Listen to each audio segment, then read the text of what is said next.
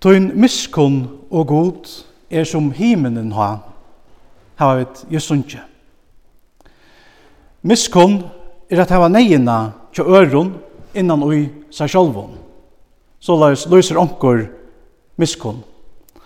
Og jeg halte i æsni at dette er en gau løysing av taimon årenon, som er særlig for å tekka støye og her og i det. Nemlig Jesu året han sier, mer tidser hjertalige sint og hese mannamikvo. Hetta merkir at Jesus hei samkjenslo vi mannamikvene og var rørtur innan ui seg sjolvun ta han sa deg. Han hei torra nei innan ui seg sjolvun, kan man seia. Maur Teresa sier øynastane, Vær her som du erst. Finn ditt egna Kalkutta. Finn deg sjuko, de lojande og de som er og ønsamøll, bort her som du erst. Og i tunne høyme, og i tunne familie, og arbeidsplassen og i skolan. Du kan finne Kalkutta i atlan høymen om du hever eio er suttja vi. Atla stavni her du fest kanst du finna folk som er og yngst, som ønsken er gaur vi, som ønsken tekser av, og innan borstuvist av samfellan. Halt glemt og iverlatten til ønsemme. Du kan finna Kalkutta iver atlan høymen om du høver eio er suttja vi, sier Mauer Teresa. Men her har vi et eio er suttja vi. Tekstren som vi da har hørst, etter okkon til at hoksa om hentan spurningen, vi at vise okkon av Jesu egna hjertalega og sinnalega motveges okkon menneskjum. Her har vi nemlig vi øyne gjerne som verlige hever eio fyrir tørvenon tja atlare manna attene.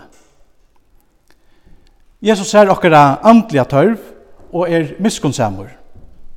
Jesus ser okkara likamliga tørv og er miskunnsamur. Jesus miskunn sast i hans herra gjerninge. Han ser ein neistatan heim og velur usunne miskunn at grupa inn Han tekur alla okkara nei, alla okkara synd og alla okkara døm av seg sjálvan. Han ser øysen okkara likamlega tørv, likamlega tørven tja menneskjon, og sier som vi tar hørst, mer tidsir hjertaliga synd og hese mannamikvo. Og velur så gjerne i øysynu miskun at breiføa hese menneskene. Jesus elskar manna atna, og i sunni hold, bæje andliga og likamliga seg. Og etter oss nekka som vi lærer om i ætlund og undanfærna og i Marskos evangelien, som vi tar å lyse fra. Her vi leser om hvordan Jesus rekker ut ytler andar og grøyer menneskje fra imenskon sjukdom. Og i Marskos kapittel 6 leser vi døysni om hvordan Jesus, Jesus mektar heile 5000. Så heter det ikke første fer at Jesus mektar tusendavvis av menneskjon og på gang. Men vi vujkjande tøymon 5000 er Jesu miskunn i fyrsta omfære knytt at andliga tøymon tja mannamikvene. Her leser vi nemlig Og ta han kom upp av land, så han øyna større mannafjöld. Og honom tøkte hjertalega sint i tøymon, tog at hei var som seier i ongan hira heva. Og han tok under at læra deg mengt. Så òsni her sykja vi at Jesus tekur hjertaliga sind i mannafjöldene. Han verur rørtur innan øysa sjálfon, tog at det var som seier vi onkan hira heva. Og tog velur han òsni øysine miskon at gjerra nekka vi støvna. Han tok ontor at læra deg mengt, stenta. Og søttene tekur han seg øysni av tørra likamliga tørve, tørra likamliga, likamliga svangt. Det er en underfotler frelsare som vi døye. En frelsare som velja hevor begge hjersta og eio fyrir okkara tørve, fyrir okkon og okkara tørve. Så at han elskar okkon vi øynon og endalion kærløyga. Det stender øyne i at God er kærløyga. Han er kærløyga. Og tog styrkja vi til øyne i en fullkomnan samanheng mittlen hjersta, hendur og, og eio tja Jesu, eller hjersta, eio og hentur. Det byrjar vi kærleikan og hjerstan. Og ta kærleikan er til stigar, er sjånen øsne til stigar. Og ta fører til kærleiks gjerningar. Just så som vi tar var uh, sæta tja Jesus. Han sier, mer tidsir hjertalige sindu i hesse mannamikvo. Jesus elskar okkom vi øynon fullkomnon kærløyga. Og tog hever han òsni øyna fullkomna sjøvn fyrir okkara tørve, hva vi tar bruk fyrir, bæg andliga og likamliga seg. Jesus han sa teg 4.000, han sa teg 5.000, han ser allan høymen, og han ser òsni okkom som er sauna her og i dag. Han verur rørtur innan Øysa sjolvon, tog at han ser okkara nei. Han sier, mer tidsir hjertaliga synd i hese mannamikvo. Og han sessar fyrir at mekta okkon vi synon ryk og gavon. Vekna hans kærløyka og miskunn vil Jesus nu gjeva okkon alt det som vi tava tørfyrir. At enda vil Jesus uh, fyrir oppa krossen, sjalvan krossen, vekna hentan stora kærløyga. Og av krossen suttja vit hina fullkomno kærløygs gjerna. Då kan vi säga, om du vill söka Guds kärlöka, Jesu kärlöka, hiksa på krossen. Jesus sa okkara andlig og nei, og valdi at grøype inn. Og det gjør han òsne fullt og høylt. Og tog høyra vi han òsne raupa av krossen og hese årene til fulltjørst. Og i kærløyga og miskunn tåk han alla okkara eurattvise og allan okkara straff av seg sjálvan. Og han gav okkon alt sutt, alla sina egnu rattvise. Kvoi? Tui at han er kærløksfotler og miskunnsamur. Okkara nei ver tui òsni hansara nei. Og hetta fører til tan til største kærløksgjerna, som er lust og vel og i Johannes 3.16 òsni som, som nekva okkom kjenna her det stendur, til jeg så elska i god tøymen, at han gav sonsoin hinn øynbarna, til tess at øyn og kvør som trur han, ikkje skal glættast, men hava evigt liv. Så laus nøkta god okra andliga tørv, vi sin sine. Jesus sier oss sjálfur, jeg er luftsins brei. Han som kommer til moin skal ikkje hunkra, og han som ametrur skal aldri tista. Hetta er det største undre av öllum at vi da finner henda merten, vi da finner luftsens brei. Og man har hekta seg god øyne i okra tørv, ta det kommer til de tøymelige virskiftene. Tøy er det øyne at Jesus sier, mer tidser hjertelige sint og i hese mannamikvo. Han sa tørra nei, og, og heiana innan uysa sjolvun. Så atter her sørger vi en fullkomnan samanheng mittlen hjärsta, eio og hendur uh, til Jesus. Jesus elskar Jesu 4000.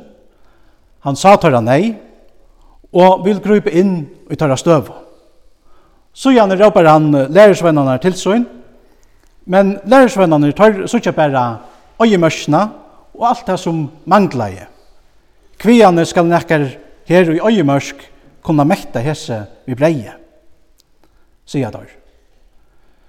Jeg har det langt og glemt hinne 5000, og alle hinne undrene som Jesus hei gjørst. Er dette ikke just støvan tja hinne syndafallene og menneskene, nemlig at jeg, at vi så lattelig gløyma hver god er. Jesus sier bare østene sjølvor til dette her, 17 i det samme kapitlet, her han sier, vi lærer svennerne her, Hava tit eio og sutje ikkje, og hava tit øyro og høyra ikkje, og kjemmer tikkun ikkje i ho, Hina affærina ta e breit hinn fem breine sundur til tei 5000. Hvordan mengar tævur henta av tit ta fotlar av målun, spurte han. Og ta sia vi han, tølv. Og hina affærina ta er breit hinn tjei breine sundur til tei 4000. Hvordan mengar tævur henta av tit ta oppi av målun, og ta sia vi han, tjei. Og han sier vi tar, fætta til det ikke enn. Lærersveinene har vært vittne til ontor og man har ontor. Og korsene har vært så lagt vi å gløyma. Høyt er sånn i årsøkjen til at Jesus uh, minnet av begge mært ontrene og hvordan i ødel var å mekta i. Jesus ontor sier okkon hver Jesus er. De pøyka av sjølvan Jesus og hvem mått han hever til at nøkta okkara tørv. Jesus minner lærersvennerne av ondrene til at han ville hava at han skulle suttje han og gjøse noen av hessen ondrene og ikke gløyma hver han er. Og i sin i høylt er Marskos 8 og i en avminning til okkon om hver Jesus er. Det er sagt at vi gløyma lagt, Tog hava vit òsne avhaldande bruk fyrir a vera mynt og Jesus og det som han har gjort. Han ser det stor og ondur.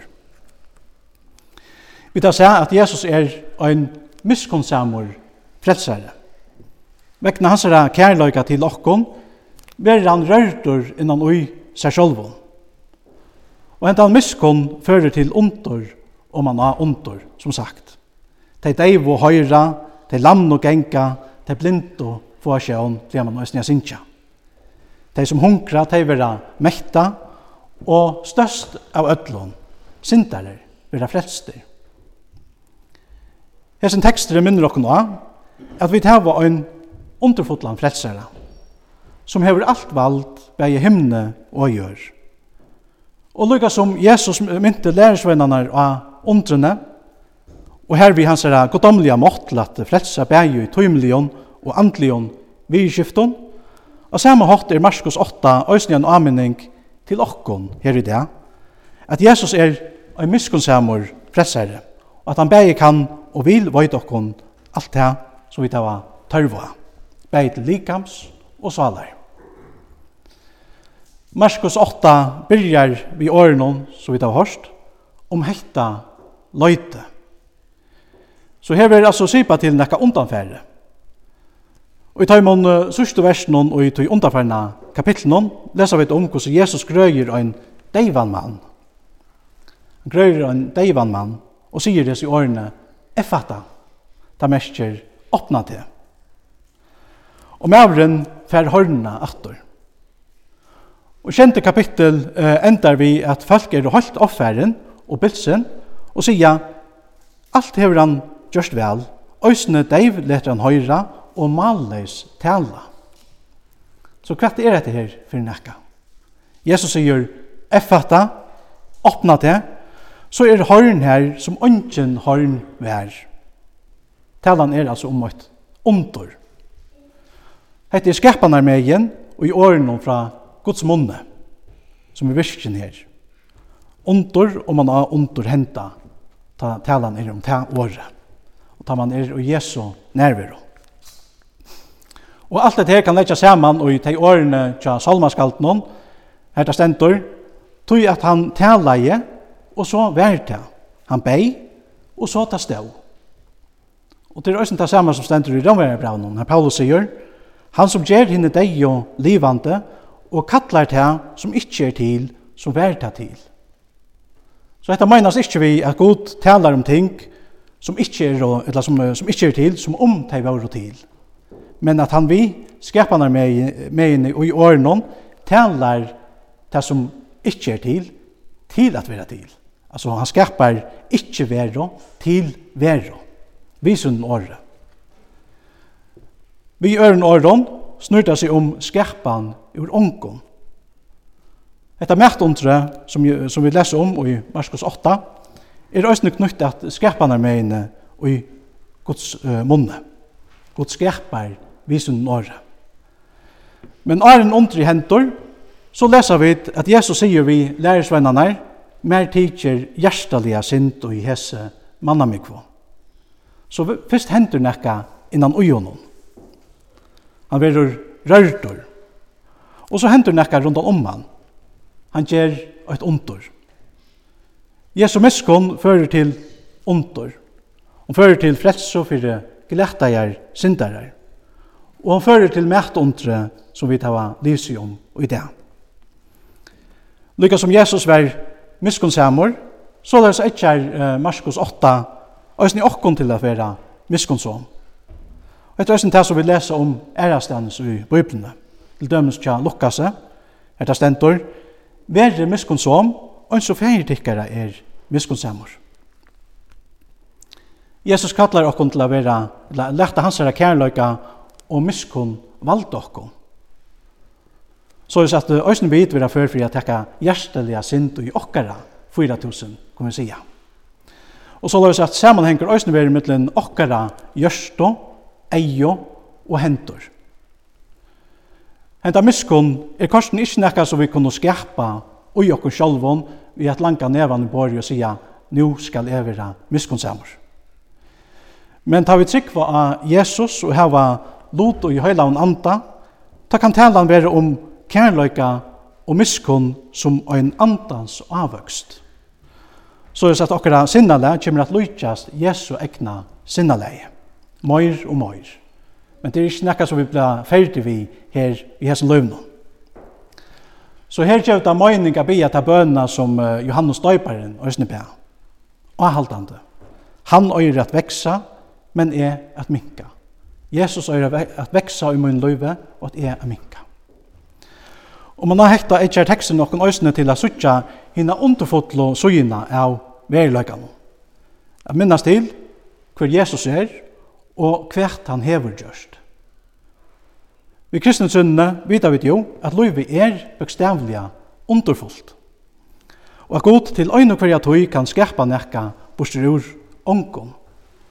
Han kan skapa trygg, her, her bæra vantrygg valdar. Han kan skapa loiv, her bæra deie eller stier. Og han kan mekta 4000 vi tjei breion og nøkron favon smafisko.